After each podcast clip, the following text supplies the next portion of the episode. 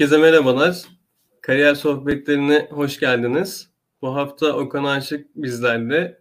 Öncelikle bizi kırmadığın için teşekkür ederiz Okan. Nasılsın? İyiyim, teşekkürler. Ben teşekkür ederim bu davetiniz için. Ee, şöyle başlayalım. Ee, öncelikle hani biraz seni tanıyıp daha sonra bizim ayarladığımız daha önce sormak istediğim sorularla ve bize e, sormamızı istedikleri sorularla devam edeceğiz. Ee, öncelikle biraz kendinden bahsedebilir misin? Tamam bahsedeyim. Ee, ben yaklaşık iki buçuk yıldır e, Amazon Intech'te çalışıyorum. E, Amazon Intech Lüksemburg'da e, ve genel olarak yaptığımız işler e, e, yeni pazar yeri, e, yeni ülkelere pazar yerleri açıyoruz ve yeni açılmış ülkeleri de e, çeşitli o ülkelere öz, özgü e, teknolojiler geliştirerek destekliyoruz. E, Amazon'a katılmadan önce e, Boğaziçi Üniversitesi'nde araştırma, önce araştırma görevlisiyim, sonra normal araştırmacı olarak çalıştım. Ve bilgisayar mühendisliğinde doktor öğrencisiydim o dönemde yine. E, Boğaziçi Üniversitesi'ndeki o doktora sürecinde de, yüksek lisans ve doktora süresince de robot araştırmalarını, araştırmaları yaptım. En, en genel ismiyle de e, böyle takım halinde hareket edebilen robot sistemler geliştirmeye çalıştım diyebilirim. Genel olarak böyle. Şimdi detaylandırırız ilerledikçe. Evet çok güzel. Ee, öncelikle hani akademik kariyerine başlamak istiyorum. Hani şu an lisede eğitim gören arkadaşlarımız e, senin okuduğun bölümü tercih etmeli mi ya da hangi yönleriyle tercih etmeli? Biraz bölümüne dair bilgiler verebilir misin? Evet, e, şimdi ben bilgisayar ve öğretim teknolojileri bölümünden mezunum, lisansım. E, yani kısa adı BÖTE diye geçiyor. Hı hı. E, şimdi bu bu bölüm aslında benim e, kendi kişisel tercihim değildi. E, onu onu netleştirmek lazım. Ben eğer e, iyi bir puan alsaydım, iyi bir üniversite bilgisayar mühendisliği okumak isterdim lisans olarak. E, ama yine de e, şimdi BÖTE'yi biraz tarif etmem gerekirse e, çok disiplinli bir e, bölüm. Eğitim bilimleri eğitimi, e, eğitim bilimleri ve bilgisayar bilimlerinin biraz karışımı gibi. Eğitim fakültesi altında bulunuyor. E, yani özellikle e, yani aslında tercih tercih etmek isteyenler için şöyle bir şey var. E, şu an artık hype'ı düştü ama e, 2000 2010'lara kadar falan bir e-öğrenmenin e, dünyada yaygınlaşması ve ve tabii ki de şu anki kadar teknoloji ve internet yaygın olmadığı için bu yeni neslin, yeni öğrencilerin bu sistemleri kullanması için bir eğitimden geçmesi düşünülüyordu. O yüzden de bilişim öğretmenleri veya e-öğrenme alanları çok popülerdi. Biraz o alanlarda aslında e, e, profesyoneller yetiştirmeye amaçlayan bir bölümdü. Hı hı. E, şimdi hala aynı aynı şekilde devam ediyor ama benim kendi dönemimdeki mezunların birçoğu yazılım sektöründe çalışmaya başladılar. O yüzden e, şeyden mezun olduktan sonra, BÖTE'den mezun olduktan sonra çok geniş bir alanda siz kendi e, ilgi alanlarınızdan birine yönelebiliyorsunuz. Bu bir öğretmenlik olabilir, bilişim öğretmenliği. Bu işte e-öğrenme uzmanlığı olabilir. Çünkü içerik geliş ona hatta e-öğrenme içeriği geliştirme diye bir şey vardı. Şu an yine var ama bu herkesin artık içerik geliştirmesiyle biraz değerini kaybetti sanırım. Ee, ve diğer bir nokta tabii şey araştırmacı olabiliyorsunuz bu alanda ve yazılım yazılım da yapabiliyorsunuz. Yazılım mühendisi olabiliyorsunuz. Böyle geniş bir alana e, geniş bir alana sizi e, hazırlıyor diyebilirim. Çok güzel. Yani hem bilgisayar hem yazılım süreçleri hem de bunların e, e-öğrenmenin eğitimsel süreçlerine dair bir eğitim aldınız. Genel evet. olarak böyle bunları kapsıyor. Ee, onun haricinde özgeçmişinizde şöyle e, okul birinciliğini okulu birincilikle tamamladığınızı gördüm. Hani bu süreçte sizi e, buna bağlayan şeyler neydi? Çok mu ders çalıştınız? Bölüm mü sevdiniz? Onun haricinde daha önce e, bize gelen soru vardı bununla alakalı. Birincilikle tamamlamanızın akademide ya da kariyerinizde olan etkileri nelerdir diye. Bunları biraz detaylandırabilir misiniz? Evet, şimdi e, ya aslında e, birincilikle tamamladım ama asıl bölüm yani şöyle bölüm bu biraz kişisel bir hikaye tabii ki her zaman. Ve hı yani bunda tabii şey en baştan söyleyeyim burada benim vereceğim tüm e, tecrübe kendi anlatacağım tüm tecrübeler aslında milyonlarca olasılıktan bir tane veri, veri noktası. Biraz öyle değerlendirsin izleyenler. Bu bağlamda şimdi benim açımdan ben üniversiteye başladığımda e, aslında şey e, e, alanımı yani yine böl, bölümümü seviyordum ama bölümde ne yapacağımı bilerek gelmiştim. Yani yazılım mümkün olduğu kadar yazılımım e, yazılım alanında kendim geliştirmeyi hedefliyordum ve hep buna yönelik olarak çalıştım. Bunun dışında bölüm bilinciliği gibi veya böyle akademik bir başarı hedefim yoktu. Ama zamanla e, yani başarılı olduğumu gördükçe motivasyonum daha da arttı. Ee, ve o birbirini besleyen bir e, şey döngüye girdi aslında. Başarılı oldukça daha çok çalış çalışıyorsunuz. Ee, ve tabii e, bir sonraki adımda özellikle ikinci sınıfın sonuna doğru şeyi fark ettim. Yüksek lisans yapabilirim diye düşünmüştüm bilgisayar alanında, bilgisayar mühendisliği alanında. Bunu düşünmeye başladıktan sonra biraz daha notlarıma önem göstermiştim açıkçası. Yüksek notlar almaya ve e, sınavlara iyi hazırlanmaya çalışmıştım. E, ama ana motivasyonum biraz daha e, yani o üniversiteyi, üniversite ortamında dersleri sevmemdi e, diyebilirim. Peki e, hani bölümü birincilikle tamamlamanızın kariyerinize etkileri oldu mu? Ne gibi etkileri oldu? Evet oldu. Aslında e, şöyle ilk etkisi e, mezun olur olmaz işe girdim. Çok da akıllıca bir karar değildi ama yani şöyle mezun oldum birkaç hafta sonra işe başladım gibi oldu. E, ve yazılım işine başladım. O ayak teknolojide bir 3 aylık o yaz dönemi boyunca çalışmıştım. E-öğrenme ekibinde. Bir yaz, yazılımcı olarak çalıştım ama e-öğrenme ekibiyle e-öğrenme aracı geliştiriyorduk. ve şey o işi çok çok hızlı buldum. ve bölümdeki hocam vasıtasıyla bulmuştum. O da orada çalışıyordu e, yarı zamanlı olarak yanlış hatırlamıyorsam. E, ve ayrıca yüksek lisansa başlarken de yine çok kolay kolaylık oldu. Ben yine işimi kolaylaştırma yani kabul edilmek için de yüksek lisans süreçleri şöyle oluyor aslında. E, belki bilmeyenler vardı diye söylüyorum. E, her bölümü yine değişiyordur ama ilk aşamada bir başvuru süreci var. Belirli kriterleri sağlamanız gerekiyor. ALES, işte not ortalaması gibi. Bunları sağlıyorsunuz. Ee, daha sonra bir mülakat oluyor. Bu mülakatta da tabii bölüm bölüm birincisi olmak veya daha önce bölüm, bölüm birincisi olmasanız bile ana amaç mevcut başvuranlar arasından sizi öne çıkaracak e, başarılarınızı ortaya koymak. Bunlardan birisi e, bölüm birinciliği olabiliyor çünkü e, akademik başarı aslında yüksek lisansta da devam edeceği varsayılan e, bir gösterge olduğu için e, etki ediyor e, başvurularda. Evet. evet. Ee, tamam. Ben bir sonraki sorumla devam etmek istiyorum. Bu bölümden mezun olduktan sonra hani e, tamamen yazılım özelinde bir eğitim olmadığını söylediniz. Hani bunun sıkıntılarını yaşadınız mı? Bu size bu süreçte herhangi bir zorluk yaşattı mı? Bunları öğrenebilir miyiz sizden?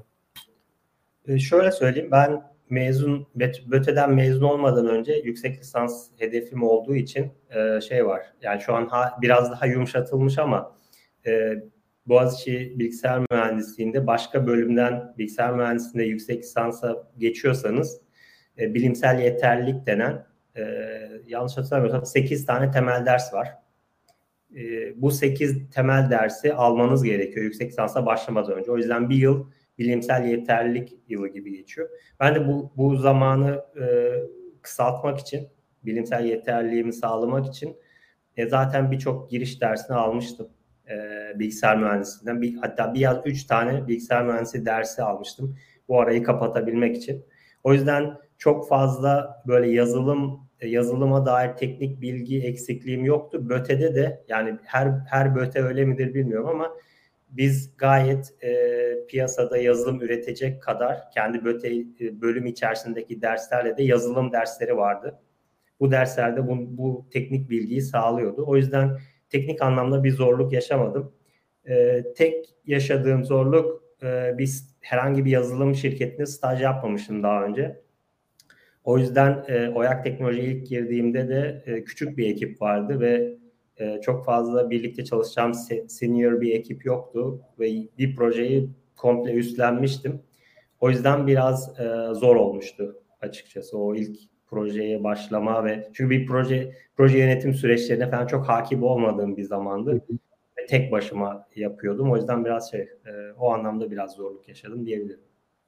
Yani e, yüksek lisans yapmanızın orada aldığınız 8 ders size kesinlikle katkı sağladı. Onun haricinde şunu sormak istiyorum. E, BÖTE'den mezun olan arkadaşlar ya da diğer e, bölümlerden mezun olan arkadaşlar e, Boğaziçi Bilgisayar Mühendisliği yüksek lisans yapmak isteseler hani e, şeyi geçtikten sonra eğitim aşamalarını geçtikten sonra herhangi bir zorluk yaşamadan yapabiliyorlar. Doğru muyum? Evet. Bilimsel yeterlilik sürecini geçtikten sonra e, normal yüksek lisans dersleri almaya başlıyorsunuz. E, orada da bir yani ben zorluk yaşamadım. E, yaşayan çok da görmedim. Yani birlikte ders aldığım insanlar arasında da çok zorluk yoktu. Çünkü yüksek lisans aslında şöyle yüksek lisans öyle e, akademik olarak insanları zorlayan bir eğitim süreci değil aslında. E, tek zorluğu belki yani alışılmadığı için e, ikinci kısmı olan tez yazım aşaması oluyor. Dersler çok daha kolay zaten e, öyle düşünmek daha doğru olabilir. Evet. Ee, onun haricinde ben şöyle bir soru sormak istiyorum. Ee, Boğaziçi'nde okumak size neleri değiştirdi? Ee, şimdi aslında çok farklı e, tüm lisans, yüksek lisans ve doktorayı Boğaziçi'nde yaptığım için aslında başka üniversitelerle karşılaştırma şansım pek olmuyor. Ee, ama genel olarak e, kendi kendime Boğaziçi'nin kattığı şeylerden bahsetmem gerekirse Boğaziçi aslında e, en önemli özelliği çok kültürlü bir ortam. Yani kültürden kastım çeşitlilik çok yüksek. Her alanda bir şeyler yapmak isteyen insanlar bölüm fark etmeksizin bir araya gelip bir şeyler yapabiliyorlar. Bu anlamda en büyük e, destekleyicisi zaten e, birçok e, kulüpler bulunuyor. Bu kulüpler vasıtasıyla olabilir. Kulüpler dışında da insanlar bir şey yapmak isteyenler bir araya gelip e, kendilerini geliştirebiliyorlar ve bu, bu tabii şeyle de alakalı. Biraz böyle bir sürü zeki insanın bir arada bulup bir arada bulunup kendi ilgi alanlarıyla ilgili bir şeyler yapmasıyla da alakalı.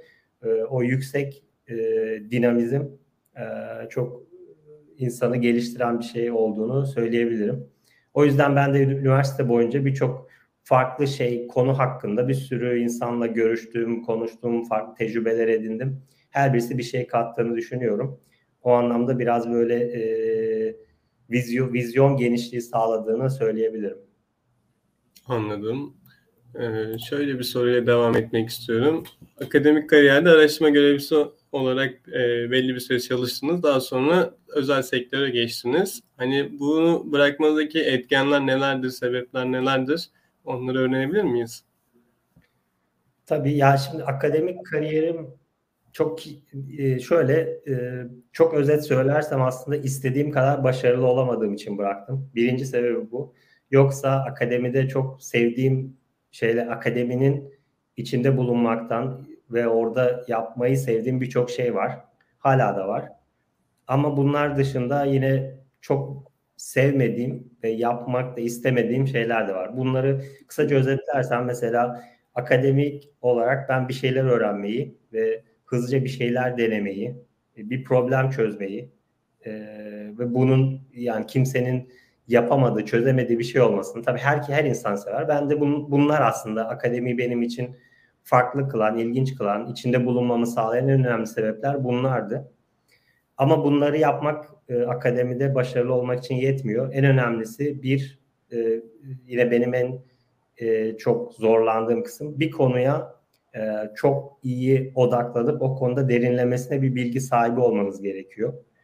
Ve benim biraz daha e, akademik boyunca çok dağıldığımı söyleyebilirim. Çok farklı konuları kısa süreli çalıştığım için yeterli derinliğe erişemediğimi görüyorum. İkinci ikinci mesele de erişseniz bile bunu e, akademik camianın kabul edeceği şekilde sunmanız lazım. Bu da iyi bir makale yazıcısı olmanızı gerektiriyor. E, ve burada biraz e, e, en kaba tabirle pazarlama taktikleri falan gerekiyor. E, yani şu, şimdi çok tabii şimdi e, hala akademinin içinde sayılırım tabii bunu söyleyeyim ben dok, hala doktor öğrencisiyim. Hı. Her ne kadar yani üzerinde çalıştığımız birkaç makale var. Onları yayınlamaya çalışıp mezun olmaya çalışıyorum ama bunun dışında da e, e, akademinin birçok e, zorluğu yani makale yayınlama açısından birçok zorluğu var. Onlardan birisi de sizin hangi üniversiteden, hangi ülkeden yayın yaptığınız, hangi dergiye, e, işte o editörlere olan senin sizin hocanızın yakınlığı, sizin hocanızın alandaki ağırlığı gibi birçok faktör etki ediyor. Bunlar açıkçası yani moral bozan şeyler. E, ama e, bunları da yani şöyle teknik olarak bunlar bir gerçek. Bunları da bunlarla da baş edebilenler var ve çok başarılılar. Birçok insan çok başarılı. Ben ne yazık ki o konuda çok başarılı olamadığımı düşünüyorum. Ve e, o yüzden de bıraktım. Artık e, o konuda çok başarılı olamayacağımı gördükten sonra bırakmaya karar verdim. Yani akademiyi bırakmanız özel sektörün cazibesinden ziyade akademinin vermiş olduğu bıkkınlık gibi mi oldu? Bıkkınlık değil de yani bıkkınlık da diyebiliriz ama daha çok ben e, kendi kişisel başarısızlığım olarak görüyorum. yani her insanın karakterine göre farklı farklı çalışma şeyleri olabilir tabii. Tamam o halde ben e, şöyle devam etmek istiyorum. Hani robot, robot laboratuvarında yüksek lisans ve doktora şu an hala doktoraya devam ediyorsunuz. Hani bu nasıl bir alan, nasıl bir bölüm?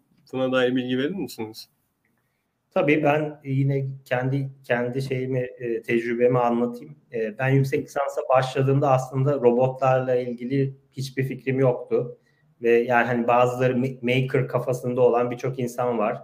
Bunlar tabii lisansla da bir şeyler yapıyorlar. Aktifler, bu konuyu araştırıyorlar, ilgililer. Ben aslında yüksek lisansa kadar bu konulara pek ilgi duymamıştım. Ama o zaman e, ders aldığım hocalardan birisinin bir robot futbol takımı vardı. Robot futbol takımı deyince e, yani gözünüzde şey canlanabilir. İki ayaklı küçük robotlar var 50 santim boyunda. Bunlar normal yürüyorlar e, ve futbol oynamaya çalışıyorlar.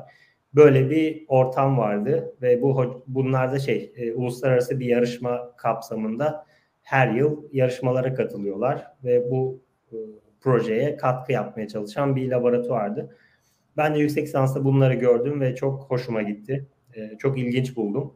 E, ve ben de bu hocanın laboratuvarına katıldım. Levent Akın, e, Profesör Levent Akın'ın laboratuvarıydı. Daha sonra da yaklaşık işte tüm yüksek lisans ve doktora hayatım boyunca e, bu robot futbol takımıyla birlikte uluslararası yarışmalara katıldım. E, ve hatta daha sonra e, takım kaptanlığı da yaptım. E, en sonunda 2015'te robot futbol takımını kapatmıştık. Ama ondan sonraki 3 yıl boyunca da yine uluslararası bir yarışma olan arama kurtarma simülasyon yarışmalarına katıldım. Yine bizim laboratuvarımızdaki ekiple. Genel olarak böyle. Robot laboratuvarları nasıl, nasıl çalışıyor? Aslında biraz ondan da bahsedeyim.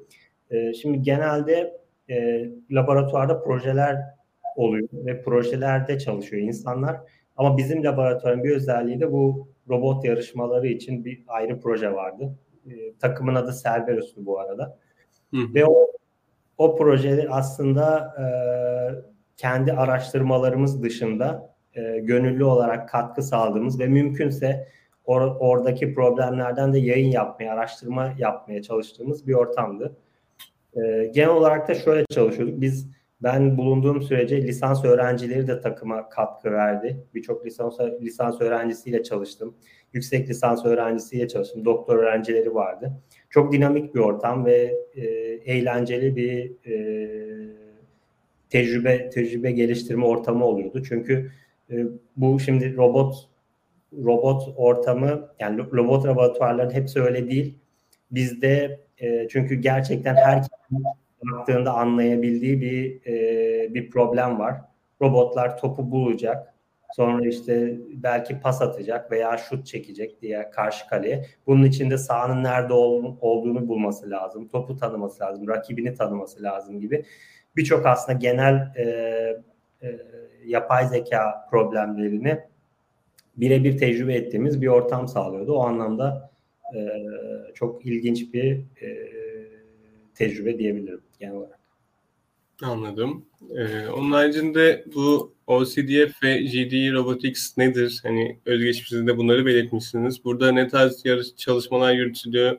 Bunlara kimler katılabiliyor? Biraz bunu detaylandırabilir misiniz? Tabii yine şimdi o, OC, o, OSDF diye yazılmış ama OSRF olması lazım. Open Source Robotics Foundation'ın kısaltması.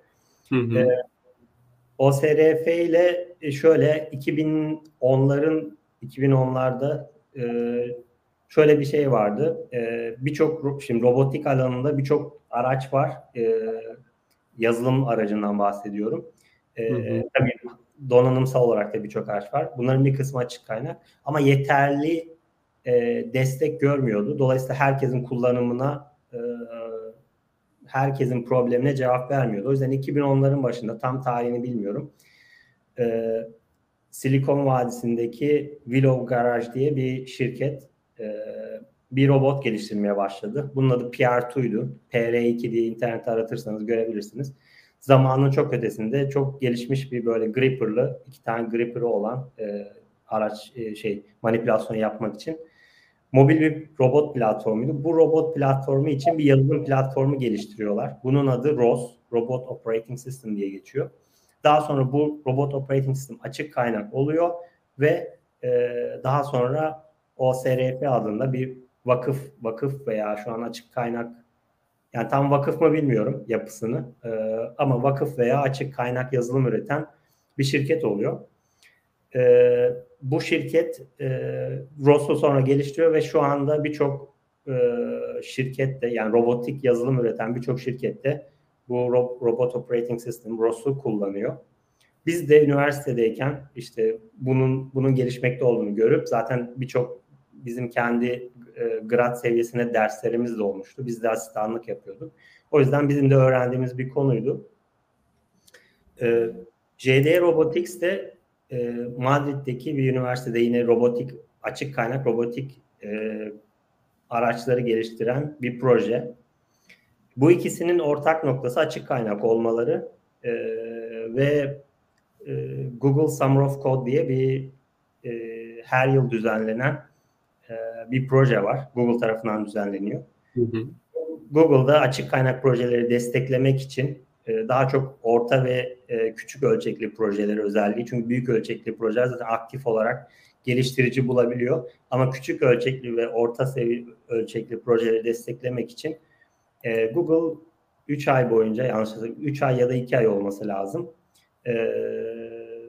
öğrencileri açık kaynak projeler çalışmaları için kaynak sağlıyor. Bunun da aşaması önce bu projeler yani açık kaynak projeler bir ilan çıkıyorlar. Yani biz şu şu şu projeyi yap, yapmak istiyoruz. Bu e, Google Summer of Code e, kapsamında diye. Daha sonra da öğrenciler e, kendi proje önerilerini sunuyor. Bu katılan e, açık kaynak projelerde buradan öğrencileri seçiyorlar. Ben de bu iki hem OSRF hem de JD Robots, Robots'la iki, tane projeye katılmıştım yaz dönemi boyunca. E, ve burada OSRF'de şu an yine Gazebo diye bir tane 3 boyutlu simülatörleri var. Ve çok e, gayet e, endüstride kullanılan bir simülatör. Hatta DARPA'nın yarışma yarışmalar düzenlediği bir simülatör. DARPA bu arada şey e, Amerika'nın e, savunma sanayi ajansı diyeyim kısaca. E, robotik yarışmaları düzenlediler simülasyon ortamında. Yine Gazebo simülasyonunu, simülatörünü kullanarak. Ben de bu gazebo simülatörünün bir de web, web e, aracı var. Web aracına e, simülasyon modelleri yüklenecek bir tool üzerinde çalışmıştım bir yaz boyunca. E, sonradan ek, o, o modül eklenmedi galiba. Sonra farklı şeyler yaptılar. E, farklı eklentiler yaptılar o tool'a ama e, tam bir sonuç sonuç sonuçta yaptığım şeyin e, gerçek üründe olduğunu gör, görememiştim. JD Robotics de e, benim daha önce e, yüksek lisansta yaptığım bir araç vardı. E, bu planlama modülü geliştirmiştim. Görsel planlama modülü. Notlar ve e, nasıl diyeyim state bazlı, durum bazlı planlama diye bir kavram var.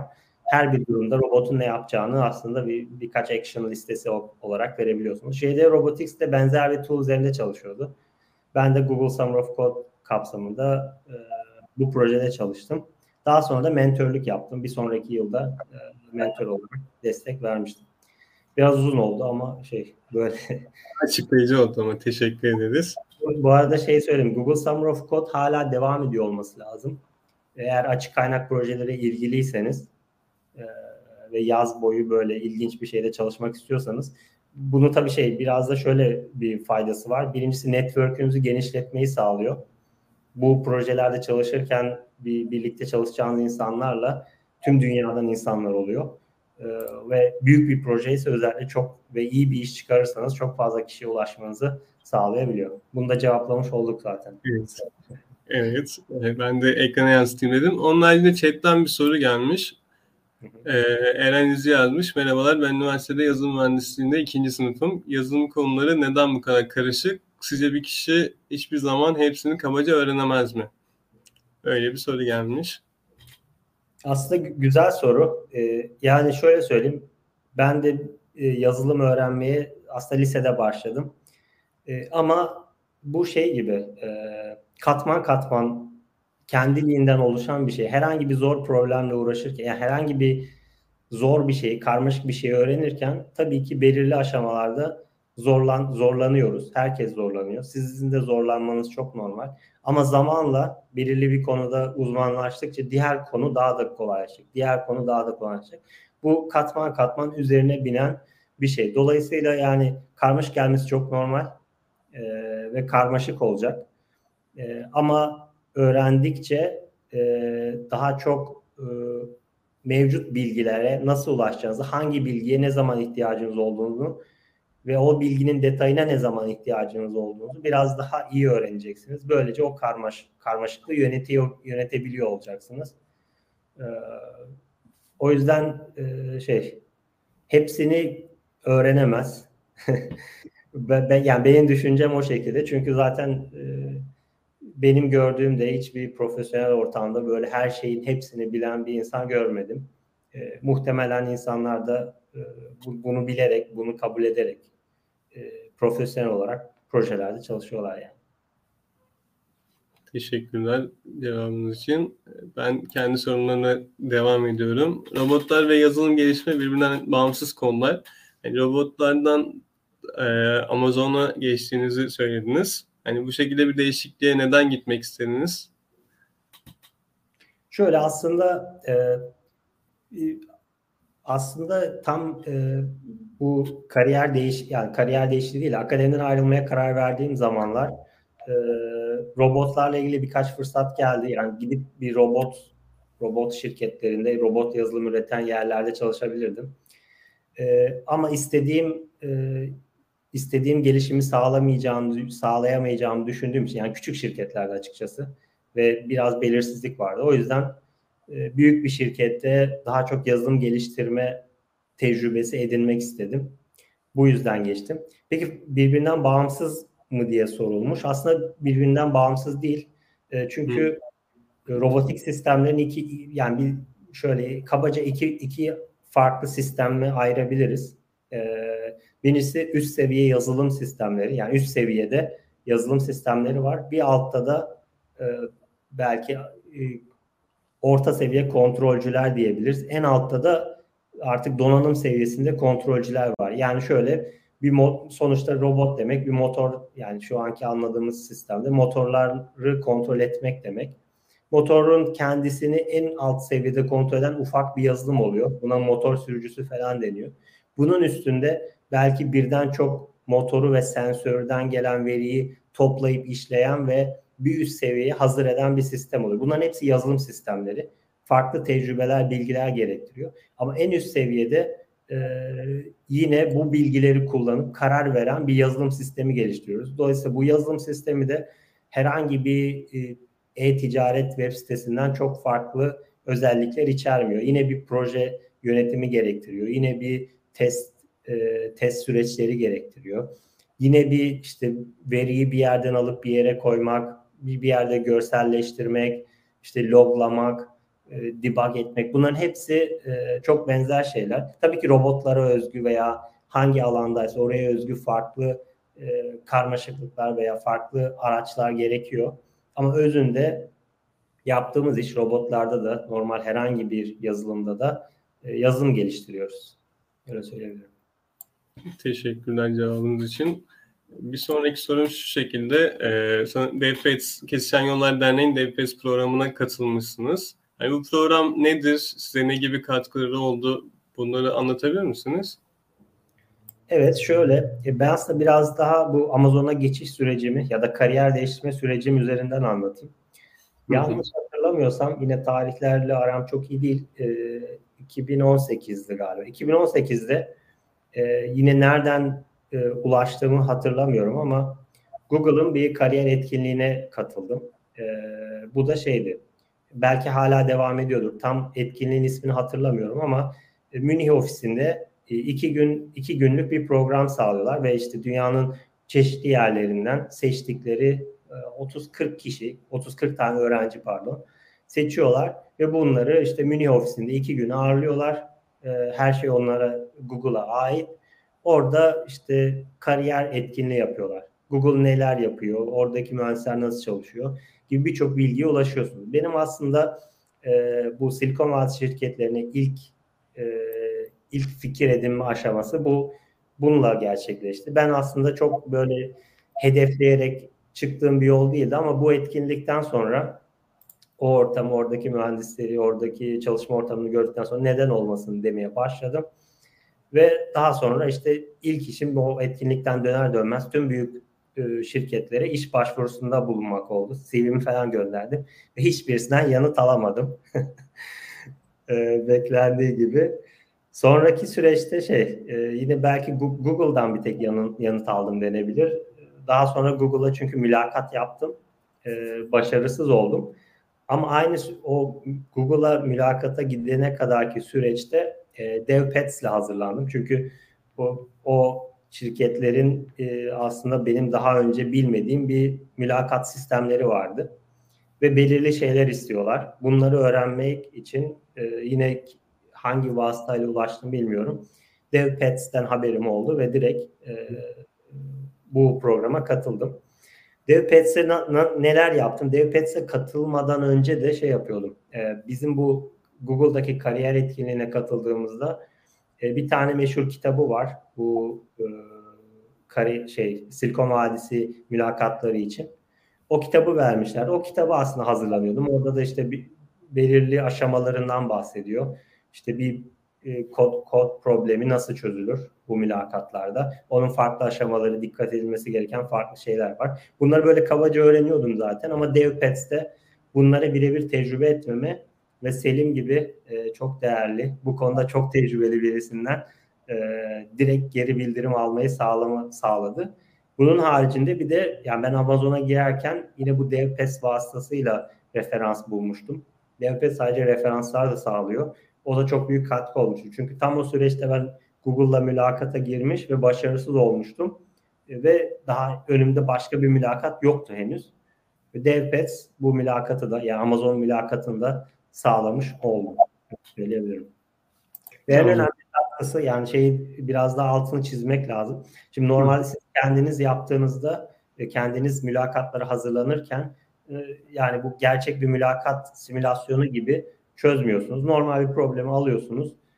Yazılım yazar gibi çözmeye çalışıyorsunuz. Ama burada önemli olan bir işte bir problemi çözme aşamalarını gerçekten takip ediyor musunuz? Bunlara doğru adım, doğru soruları soruyor musunuz? Bu gibi şeyleri aslında kontrol edemiyorsunuz. Kendiniz sadece e, bu tecrübelerinizi, soru çözme tecrübesi artırırken. DevPets'te ise direkt geri bildirim alma şansınız var. E, ve birçok e, tam olarak ihtiyacınız olan da zaten o geri bildirimler vasıtasıyla kendi eksiklerinizi kapatmanız. E, en büyük katkısı bu diyebilirim. Anladım. E, dair hani yine detaylı bilgileri içeren birçok videomuz var. Hani izleyen arkadaşlar onlara bakıp biraz daha bilgi sahibi olabilirler. Ben şöyle bir soruyla devam etmek istiyorum. Silikon Vadisi mülakatları nasıl geçti? Ne şekilde hazırlandınız? Hani biraz bahsettiniz ama biraz daha detay verebilirseniz daha güzel olur. Onun haricinde chatten gelen e, bir soru daha var bununla alakalı. Hani e, bir yazılımcının mülakata girmeden önce size göre kesin bilmesi gereken dediğiniz algoritmalar hangileridir diye bu şekilde sormuş olalım size. Hı hı. Ee, şimdi mülakatların aslında şey yapısı belli. Yani bir saatlik e, peş peşe mülakatlar şeklinde geçiyor. Bunlara on-site mülakat deniyor. Yani telefon phone screen denen yani telefonla veya uzaktan yapılan mülakatı da düşünürsek o da bir, bir kerelik bir veya iki, iki tane oluyor. Orada e, ya aslında sistem biraz değişti şöyle Covid zamanından sonra her şey remote'a döndüğü için yani herkes uzaktan yapıyor artık on-site diyoruz ama aslında e, artık uzaktan yapılıyor e, tüm büyük şirketler. Yanlış yani Amazon'da öyle, diğer şirketlerde muhtemelen öyledir. E, tekrar on-site'a dönerler mi bilmiyorum. Ama normalde olan bir tane uzaktan mülakat ve sonra asıl kararın verildiği mülakatlar on-site dediğimiz yani gidiyorsunuz. Ben yani gittim Münih ofisine gittim Google'ın. Orada peş peşe 5 mülakat oldum. Bir, üçüncüyle ikinci, şey, üçüncüyle dördüncü mülakat arasında bir öğle arası oluyordu. Ee, böyle bir mülakat süreci geçti ve mülakatlarda nasıl oluyor? Aslında yine şöyle bir durum var. Ee, kendi tecrübelerimden ve burada Amazon'da yaptığım mülakatlardan da e, mülakat süreci biraz mülakat yapan kişiye göre hafif değişiklikler olabiliyor. O yüzden mesela Google'daki mülakatlarında mülakat yapan herkes farklı bir e, farklı yaklaştı diyebilirim. E, böyle ufak farklar olabiliyor. kimisi işte çok her şeyi sana bırakıyor. E, sadece senin sana sorduğu cevapları alıyor ve hiçbir feedback vermiyor. Kimisi ise seninle problem çözer gibi e, o probleme yaklaşıyor. Bu tip ufak farklar olabiliyor. E, nasıl geçti? Mesela Google mülakatları ilk mülakatım çok çok kötü geçmişti. Daha sonra da yani bu, bu tabii şey peş peşe olduğu için biraz zihinsel yorgunluk, moral bozukluğu gibi faktörler her zaman etki ediyor. O yüzden bu tip tecrübe ne kadar edinirseniz, ne kadar mülakata katılırsanız onların etkisi oluyor. Ben de ilk ilk mülakatta Google'da zor, zorlanmama rağmen Amazon'da daha iyi bir mülakat geçirmiştim. E, ve daha başarılı oldu. E, yine mülakatlar arasında da farklar oluyor. İşte Google'da herhangi bir e, kültür mülakat yani culture deniyor herhangi bir e, e, kültür mülakatı olmazken Amazon'un yarısı, her mülakatın yarısı liderlik özel, liderlik prens, prensiplerine dayanan sorulardan oluşuyor. Sizin eski tecrübelerinizde e, liderlik prensiplerini nasıl gösterdiğinize dair veriler sunmanız gerekiyor. Böyle ufak tefek farklar olmuştu.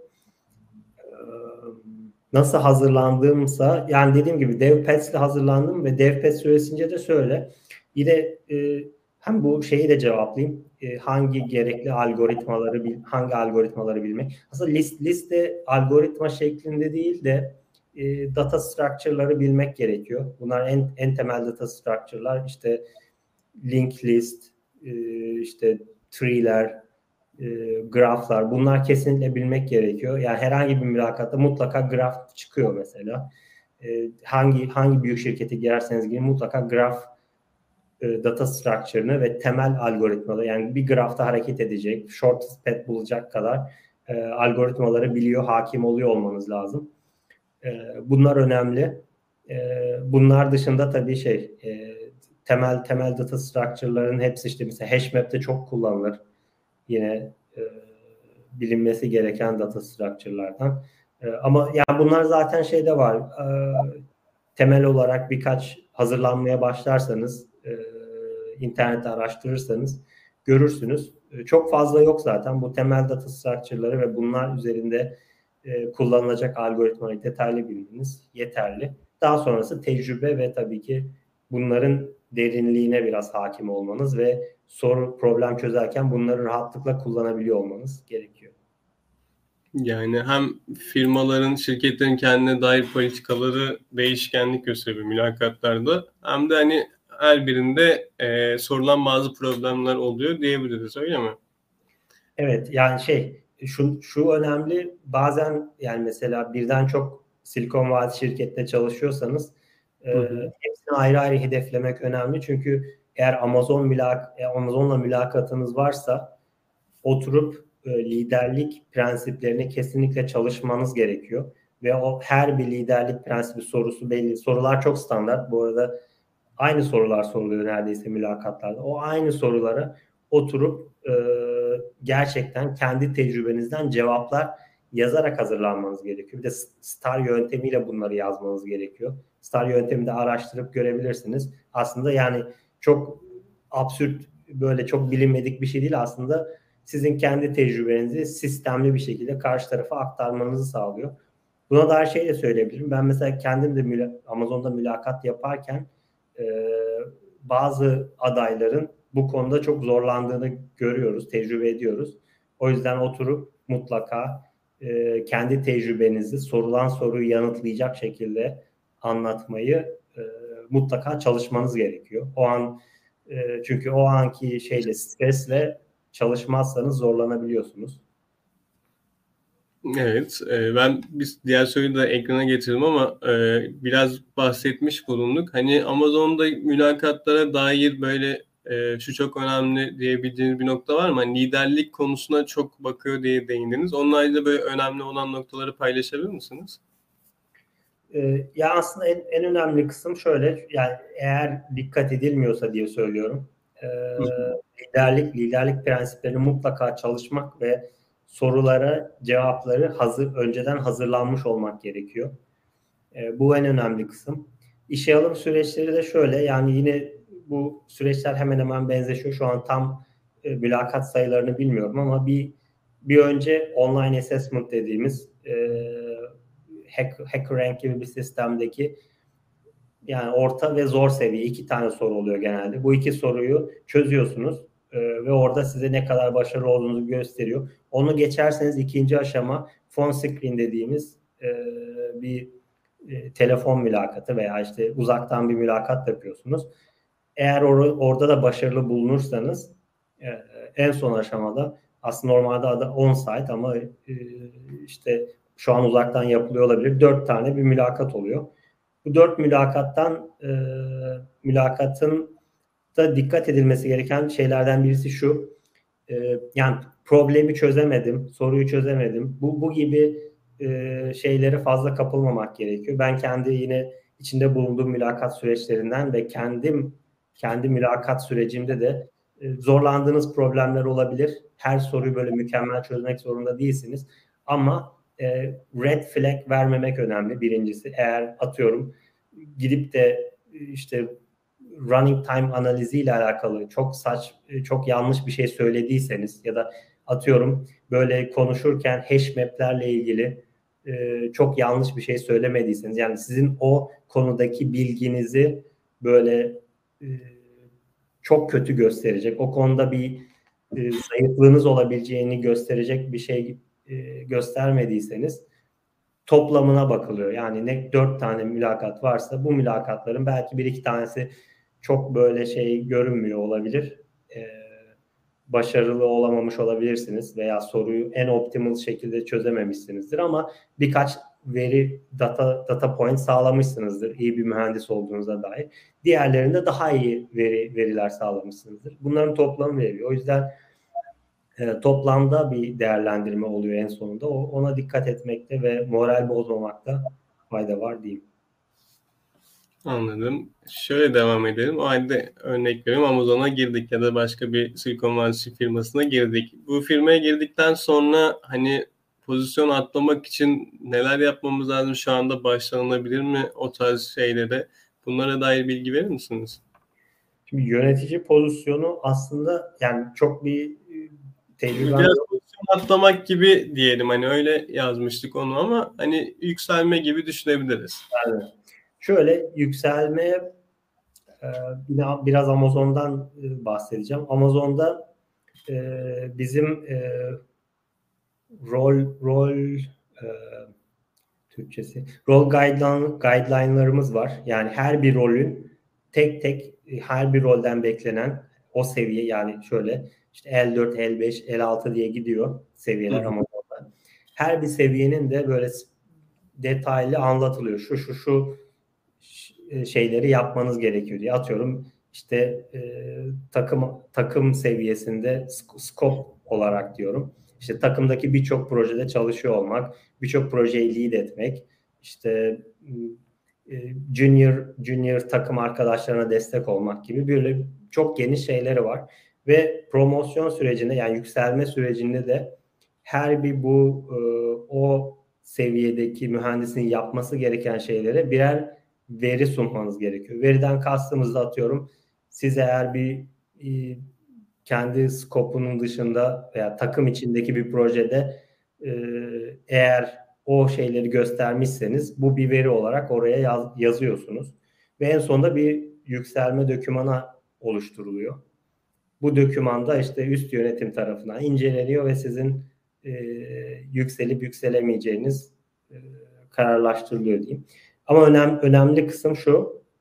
Siz kendiniz ya Amazon'da şöyle e, kendi kariyerinizi kendiniz yönetiyorsunuz. Kimse sizi böyle gel seni yükseltelim, gel senin e, ya şöyle olabilir ancak siz kendiniz çalıştınız ve artık üst seviye yani daha yüksekteki L, L6, L5'seniz L6, L4'seniz L5 seviyesinde bir e, mühendislik gösteriyorsanız bunu belki yöneticiniz de söyleyebilir ama bunun böyle doğal olması çok zor. Çünkü ay yani bulunduğunuz seviyedeki işler dışında artık bir üst seviyenin e, işlerini yapıyor olmanız lazım. Biraz da çünkü iş tanımı falan da değişiyor. Çünkü el el altı olursanız yani senior mühendis olursanız atıyorum daha çok böyle e, artık e, yazılım tasarımlarını etki eden, bir, birden çok takımın yazılım tasarımlarını etki eden bir seviyede katkı sağlamanız lazım şirkete. Bunun da işte verilerle ortaya koyabiliyor olmanız lazım. Oysa bir alt seviyede yani L5 normal orta seviye bir mühendisseniz orada ise belki sadece takımınızın e, takımınızın yazılım tasarımına katkı sağlamanız yeterli. Dolayısıyla bu iş tanımı, alacağınız e, sorumluluklar falan değişiyor. Bunları o değişimden önce göstermeniz gerekiyor ki e, hem yöneticiniz sizi desteklesin, yöneticileriniz hem de bunu bir veri olarak ortaya koyabilin. Öyle. Anladım. Yani e, kendi görev ve sorumluluklarımızı tamamlayıp bir üst seviyenin sorumluluklarına başladığımızda yani yetkinliğimizi sergilediğimizde peki bunu e, kendimiz mi belirtmemiz gerekiyor yoksa hani birileri tarafından görülüp hani yükseltilme durumu da oluyor mu? Ben hiç öyle bir şey olacağını sanmıyorum. Çünkü e, o şeyi siz siz kendiniz yönetiyor ve art yani çünkü şöyle sizin e, sizin alacağı yani yapacağınız işleri de yöneticinizle veyahut da işte proje yöneti o projeyi üzerinde çalıştığınız projeyi kim yönetiyorsa onunla birebir iletişim kurup ona göre işler alıyor olmanız lazım o projeden. Yani onu isteyip talep edip o seviyede e, işler yapıp ondan sonra istemez lazım. Dolayısıyla siz istemezseniz size e, yani belki de daha hangi seviyede istiyorsanız öyle söyleyeyim ya da istemiyorsanız da mevcut seviyenizde işler verilebilir. Onu da böyle aktif olarak talep etmek gerekiyor. Özellikle Amazon'da öyle. E, bilmiyorum başka yerlerde nasıl. Dolayısıyla hep yani kendiniz hep kendiniz yönetiyorsunuz bunları. O önemli. Yani kendimiz bir şeyleri yapıp daha sonra verileri sunuyoruz. Ben bu, bu şekilde bunları başardım. Ona göre değerlendirmeyi sunuyoruz. Evet o, o süreçte de ama o süreçte de her zaman yöneticinizle iletişim halindesiniz. Ben işte şu şu şu seviyede işler yapma yani en başından yöneticiniz biliyor ve sizi destekliyor ve ona göre size işler veriyor. Sizler en sonunda onun datalarıyla birlikte artık evet seni yöneticinizle konuşup e, ona göre yükselebiliyorsunuz. Dokümanları hazırlayıp. Ama onu o süreçte de hep yöneticinizle birlikte hareket etmeniz lazım. Dediğim gibi çünkü eğer etmezseniz de o zaman size belki de sizin yükselmenizi zorlaştıracak işler verebilir yöneticiniz. Orada da aktif olmanız gerekiyor. Anladım. Teşekkürler. Şu şekilde devam edelim. Hani iş sırasında gerekli sosyal yetkinlikler nelerdir diye soru sormuştuk. Onlar hani Amazon'da liderlik vasfına çok önem veriliyor dediniz. Hani ne gibi özellikler bekleniyor karakter anlamında, sosyal yetkinlik anlamında? Hani bunu biraz daha açabilir misiniz? Bu aslında şey yani bir, bir mühendisin, bir yazılım mühendisinin yapması gereken e, temel e, temel beceriler gibi düşünebiliriz. Buna ne var? Mesela en, en önemlisi e, bir sonuç üretmek. E, bu çok sosyal bir yetkinlik değil ama e, işte daha sonra sosyal yetkinlik olarak şey diyebiliriz. E, earn trust var. Bu yine şey liderlik prensiplerinden bahsediyorum. Earn trust şu e, siz e, birlikte çalıştığınız insanların güvenini kazanıyorsunuz. Bunu bunu kazanmanın birkaç yolu var. E, birincisi işte yaptığınız hataların sorumluluğunu almak ve bu konuda işte kendinizi açık bir şekilde kritik edebilmek en önemli şeylerden.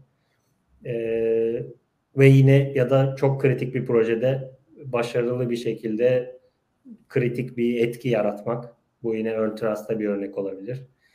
Ee, işte atıyorum sosyal becerilerden e, ne olabilir? Yine şey olabilir. E,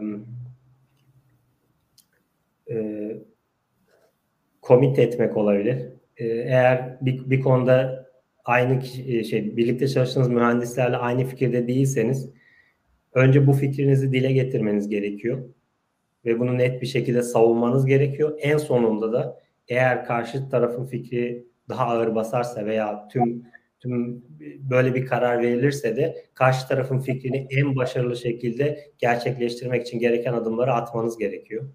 Bu yine önemli bir e, sosyal beceri Amazon'da özellikle çünkü şöyle e, birçok karar verme süreçleri açık, herkese açık e, ve burada herkesin bir ağırlığı var. Yani herkes bir katkı sunabilir ama en sonunda ortaya çıkan kararı herkesin aynı tutkuyla yerine getiriyor olması lazım. E, bu yine e, çok yani şeyde normal her mühendisin kolaylıkla yapabildiği bir şey değil. Öyle söyleyeyim en basit şekliyle. Bu, bu çok önemli.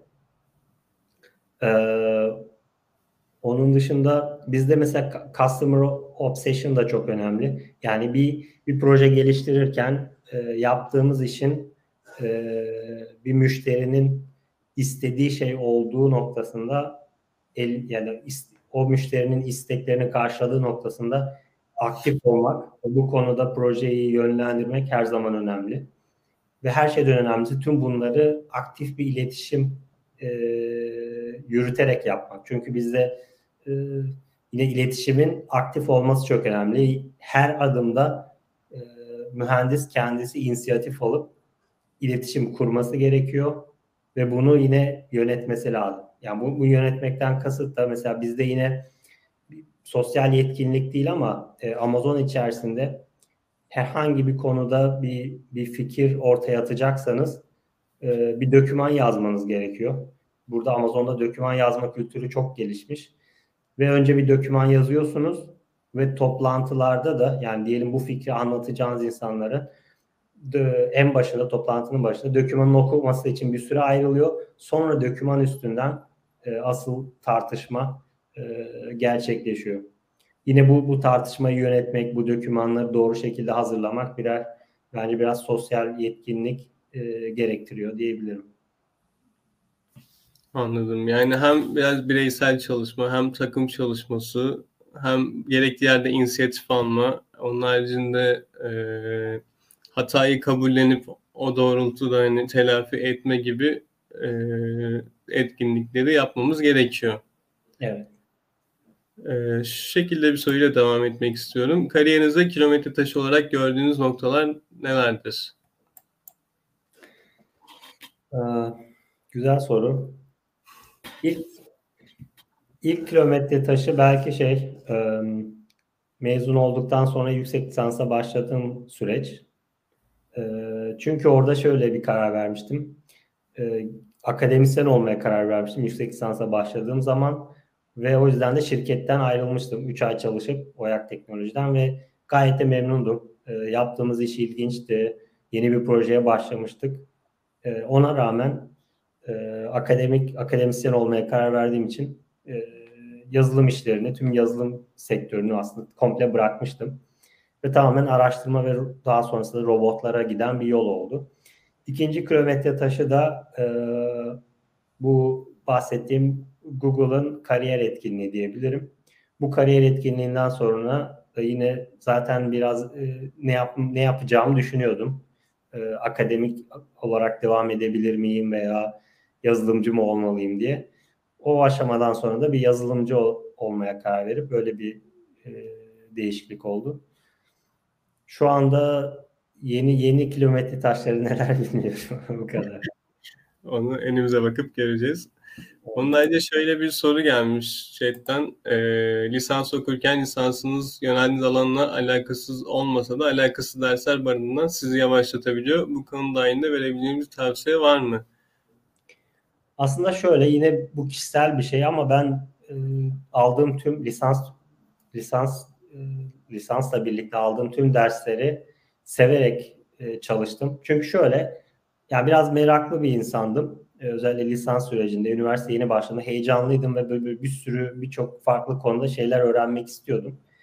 O yüzden de e, farklı ders, mesela alakasız dersler, eğitim bilimleri dersleri almıştım ama yine bana çok ilginç geliyordu. Çünkü işte insanın nasıl öğrendiğine dair yeni bilgiler ediniyorsunuz. Ee, bana ilginç gelmişti. Ya da diğer işte bir sürü temel bilimler dersleri alıyorsunuz. Yer yer ilgili, yer yer ilgisiz.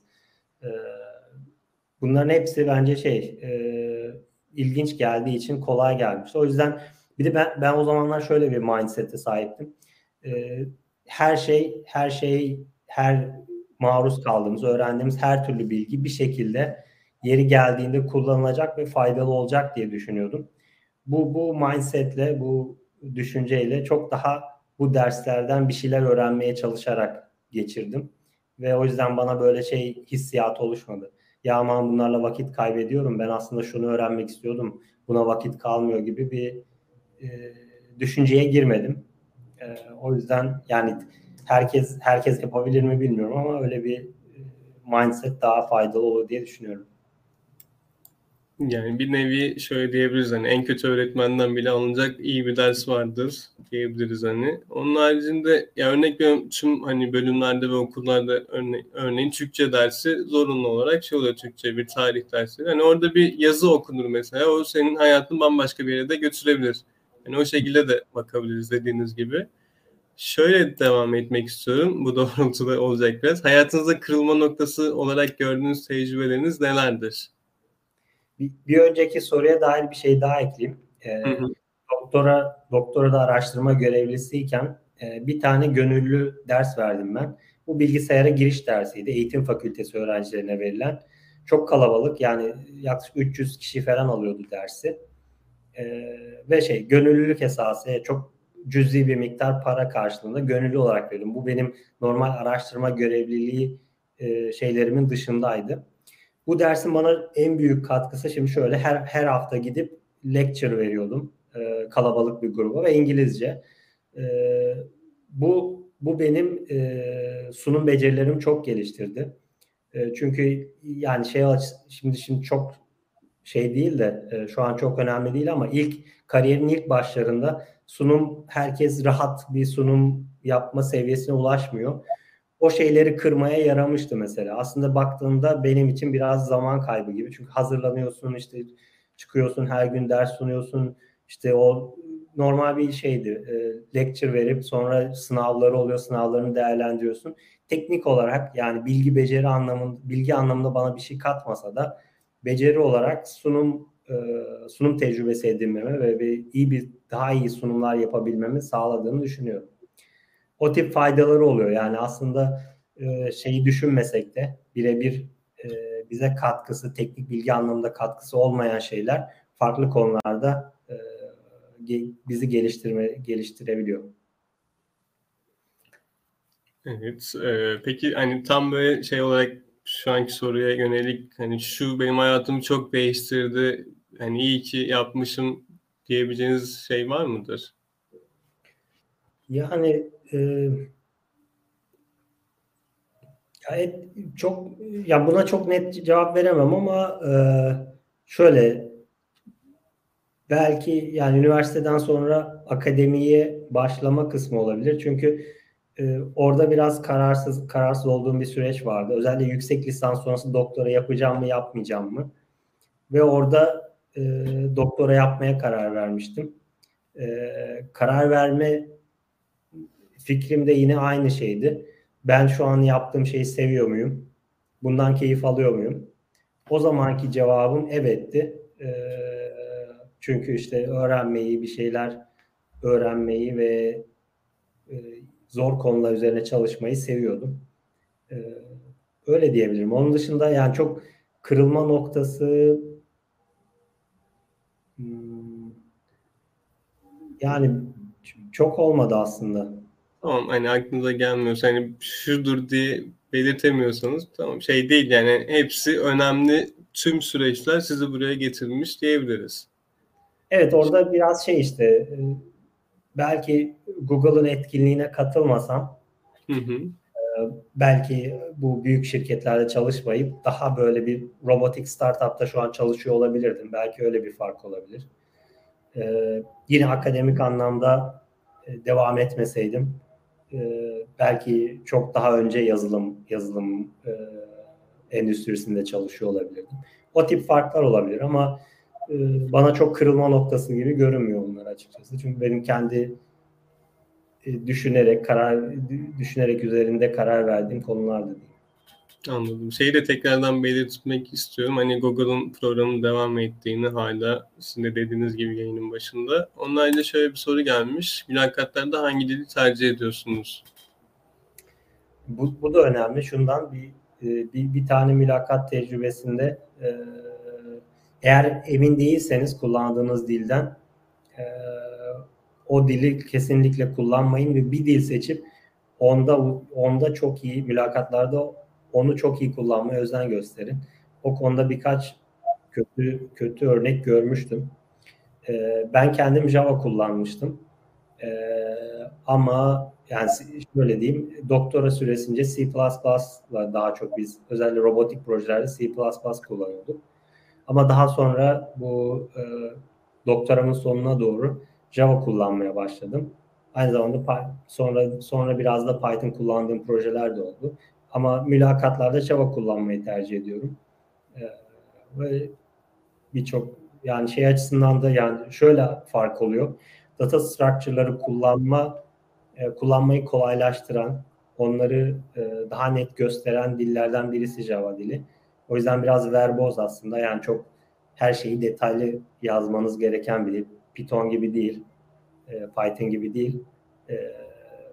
o yüzden ben Java'yı tercih etmiştim. Bir sonraki soruyla devam ediyorum o halde. Şu an çalıştığınız firmadan memnun musunuz? Geleceğinize dair hedefleriniz nelerdir? Evet, çalıştığım firmadan memnunum. Ee, şöyle Amazon Amazon Intech'te çalışıyorum. Şundan söylüyorum. Amazon içinde aslında bir sürü organizasyon var. Yani org diyoruz biz de. Nasıl diyeyim? Bir sürü farklı ekip var. Ve her ekip bambaşka şeylerle uğraşıyor. O yüzden de ve Amazon'da da e, hem ekip yani ana ana içinde bulunduğunuz ekip benimki işte Intech, International Technology diye geçiyor ana işimizde bahsettiğim gibi e, yeni pazar yeri, yeni ülkelere pazar yeri açmak ve mevcutları desteklemek. E, ama farklı ekipler de var e, ve hepsinin farklı işleri var ve her her ekibin şeyi kendine özgü. Bizde Amazon özelinde böyle ekip bazlı farklılıklar çok fazla. Yani komple sizin takımın e, işte nasıl bir proje yönetim sistemi kullandığından e, projelerin nasıl planlanacağına kadar bu, bu şirket özelinde karar verilmiyor. Tamamen o takım kendi karar veriyor. O yüzden de e, her takımın her takımdaki mem yani memnuniyetiniz o takıma bağlı.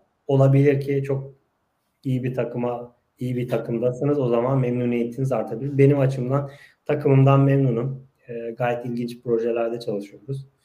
E, geleceğe dair de e, ana hedefim aslında biraz daha e, akademide de çalıştığım konuları mevcut çalıştığım işlerle birleştirmek. Yani biraz daha yapay zeka kullanılabilen e, veyahut da daha zor problemlerin e, çalışıldığı alanları ileride e, geçmeyi düşünüyorum aslında. Daha böyle uzak uzak vadeli hedefim öyle diyebilirim. Anladım. Peki bu hani belirttiğiniz takımların süresi ne kadar oluyor? Proje boyunca mı oluyor ya da sürekli mi oluyor? Ne kadar sürede bir değişiyor? Takımlar sabit e, ama şey değişiyor. E, reorganization, reorganization olabiliyor. Yani yeniden o takımın hem takımların içi de değişiyor da takımların içi çok daha yavaş ve az değişiyor. Asıl değişense takım olarak sizinle hangi projelerde, hangi hangi konularda çalıştığınız. Bunlar yıllık planlanıyor genelde ve e, değişebiliyor. Genelde sabit tutmaya çalışılıyor ama şirketin ihtiyaçlarına göre değiştiği olabiliyor. Benim kendi ekibim e, iki kere değiştirdi daha önce. E, dinamik bir durum var burada ve sanırım birçok bir yani daha daha farklı arkadaşlardan duyduğum kadarıyla da birçok büyük şirket bu konuda çok dinamik. E, hem hem takımlar arası e, mühendislerin de, yer değişmesi hem de takımların yaptığı işlerin değişmesi e, hızlı olabiliyor. E, böyle söyleyebilirim. Yani başlangıçta belli bir yere sabit olsak da değişimler olabiliyor. Aynen. Onun haricinde chatten hani iki farklı kişiden benzer bir soru gelmiş. Hocam selamlar. Yapay zeka alanlarında Silikon Vadisi şirketinde çalışmak için doktora şart mıdır? Bu şekilde soru gelmiş. Aslında bu, bu konuya yani birinci seviyeden en yakınından en bilen kişi olarak cevap vermek zor. Çünkü bir, bir tecrübem yok. Ama yani kendim için de zamanında araştırdığımda gördüğüm şey şu. E, doktora şart değil ama yine e, her bir seçim seçim aşamasında olduğu gibi yani sizin o şirket o şirketlerin sizi tercih etmesi için e, sizin özelleştiğiniz bir bilgi, tecrübe bir şey olması lazım. Diyelim dok, doktor olabilir. Doktora tek başına da şart değil. Doktora da e, diyelim görüntü işleme ile ilgili ise e, en önemli görüntü işleme konferanslarında makaleniz olması lazım. Ya bunu tabii şey en üst seviye Silikon Vadisi şirketleri için Google Google DeepMind'de çalışmak için falan söylüyorum yani. Ama belki orta seviye veya alt seviye bir şirkette daha kolay iş bulabilirsiniz ama en üst seviye e, Silikon Vadisi şirketlerinde bulmak için bunları gösterebileceğiniz öncelikle makale, e, akademik yayınlar olması lazım. Bunu da en doğru şekilde yine o alanın çünkü alan her alanın böyle seviye seviye makale şeyleri e, pardon e, dergi sıralamaları oluyor. En üst seviye dergilerde, en üst seviye konferanslarda yayın yapıyor olmanız e, gerekiyor genelde. Ha onun dışında ama şey olabilir. Gidip yine görüntü işleme ile ilgili siz doktoranız yoktur, yayınınız yoktur ama Kaggle'da Grandmaster'sınızdır. Çok önemli. Google'ın çok ilgilendiği bir yarışmada e, altın madalya almışsınızdır. O da bir göstergedir. Yani bir şekilde sizin e, o şirketin o alanda katkı yapabileceğinizi net bir şekilde dünya seviyesinde göstermeniz lazım. Onu nasıl yapacağınız değişebilir. Yine hani bu da aynı tarzda bir soru. Ee, ikisinden cevaplamış bulunduk. Onun haricinde daha önce bir yayınımızda hani Netflix'te çalışan bir arkadaşımız vardı. Hani o şöyle bir şey belirtmişti. Yani bizim burada birkaç yöneticimiz, hani onun da üstünde bulunan insanlar, hani üniversitede e, üniversite mezunu bile değil demişti. Hani sadece akademik hani eğitimden ziyade kişinin biraz da kendini nasıl geliştirdiğine bağlı diyebiliriz o halde. Öyle ama bir tek yönetici tra- track'i biraz farklı.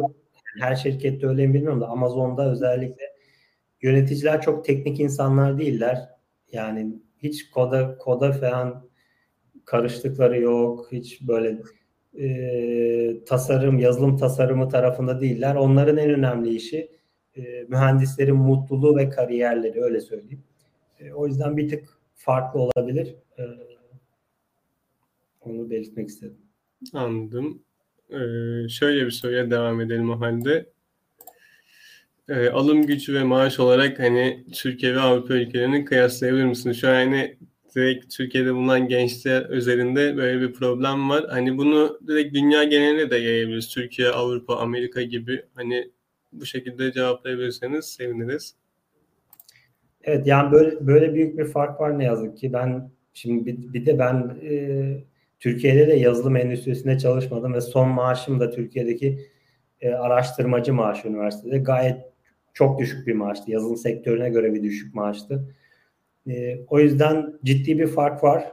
E, ben yani yakın zamanda da kapanması mümkün değil ne yazık ki ülkelerin ekonomik durumuyla alakalı. E, yani çok çok ciddi fark var. Onu zaten yani şeyde herkes tecrübe ediyordur, görüyordur. Rakamlar ortada. Ee, ve bu yani bunun dediğim gibi kapanması çok mümkün değil. Ee, belki bir ihtimal yani Türkiye'deki insanlar için Türkiye'ye de ben dönersem belki yine öyle düşünebilirim. Yurt dışına iş yapmak, özellikle bu e, uzaktan iş yapmanın daha ulaşılabilir olmasıyla e, belki yurt dışı şirketlere çalışmak daha avantajlı olabilir o açığı kapatmak açısından. Anladım. Teşekkür ederiz. Son olarak şöyle bir soruyla devam edelim. Amazon'da çalışan bir yazılım geliştirme mühendisinin bir günü nasıl geçiyor?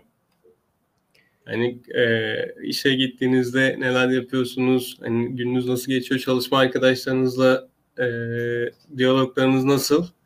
Buna dair bilgi verirseniz seviniriz. Tamam. E, şimdi şöyle, birincisi şu an Amazon'da e, yine şey, org her her takımda farklı e, belirlenebiliyor polisiler. Ama şu anki polisi herkes uzaktan çalışabiliyor. Şu an herkes evinden çalışabiliyor.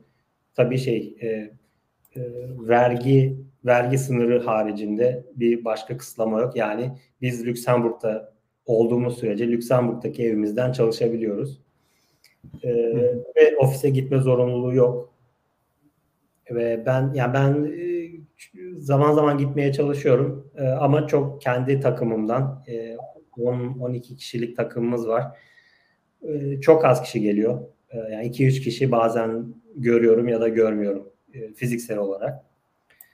E, ama genel bir günümüzden bahsedersem birincisi e, işte ilk başta stand up dediğimiz yani bir güne başlarken e, bir önceki gün neler neler üzerine çalıştım ve diyelim bir beni bloke eden, beni engelleyen, beni yavaşlatan bir sorun varsa bunu takımca işte takıma da söyleyip takımdan birisinden yardım isteme gibi bir durum var mı? Bunu bunu konuşuyoruz. Herkes e, tüm takım elemanları tek tek üzerinde çalıştığı şeyleri ve nelere ihtiyacı olduğunu konuşuyor.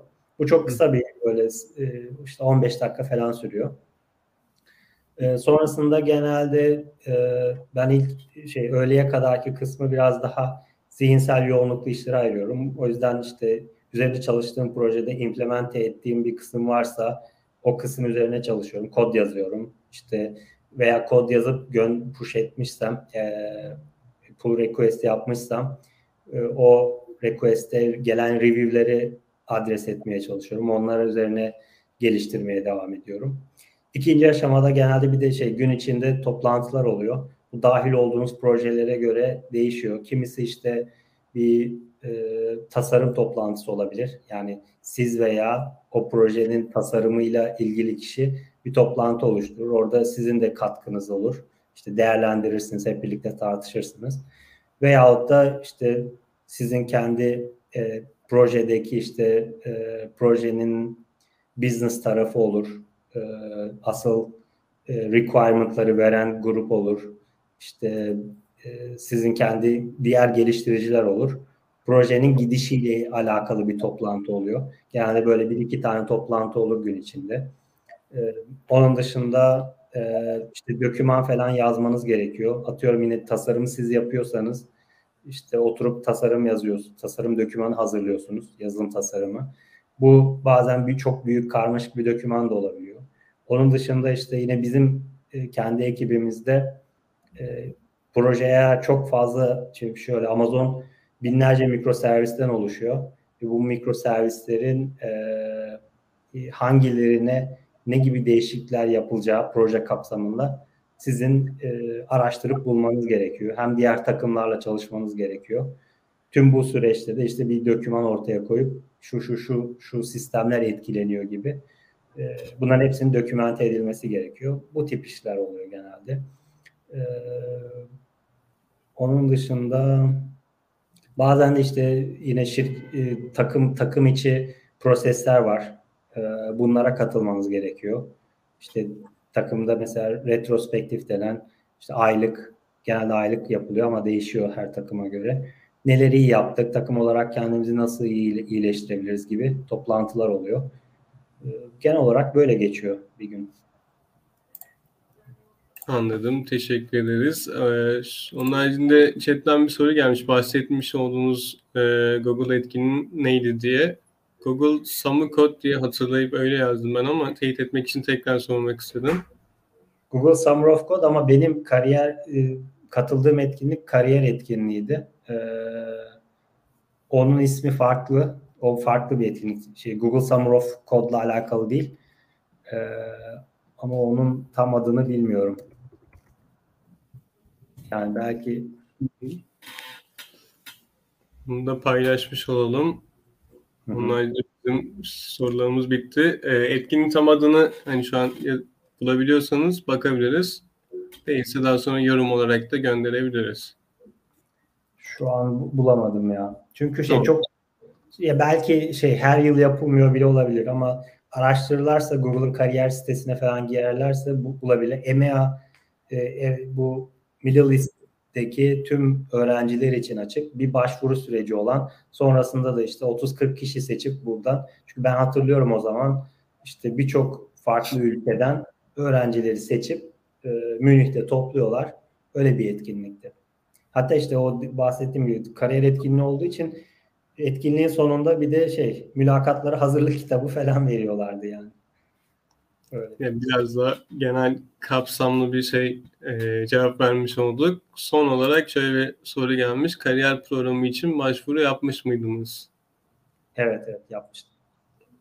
E, o halde bizim sorularımız bitti. E, genel olarak birçok şey konuştuk. Teşekkür ediyoruz. Güzel, aydınlatıcı, bilgilendirici bilgiler verdiniz. Sizin, bizim unuttuğumuz, sizin eklemek istediğiniz ekstra bir şey var mı? Yok, teşekkür ederim. Umarım faydalı olmuştur. Herkese. Teşekkür ederiz. Çok faydalı bir yayın oldu. Onun haricinde başka eklemek istediğiniz bir şey yoksa yayını burada sonlandıralım. Katıldığınız için çok teşekkür ederiz. Verdiğiniz güzel bilgiler için. Ben de teşekkür ederim. Çok sağ olun. Görüşmek üzere. Görüşürüz. Kesişen Yolların bu haftaki yayının sonuna gelmiş bulunmaktayız. Diğer yayınlarda görüşmek üzere. Aşağıda bulunan linklerden e, kanala abone olup diğer önceki yayınları izleyebilirsiniz. Görüşmek üzere.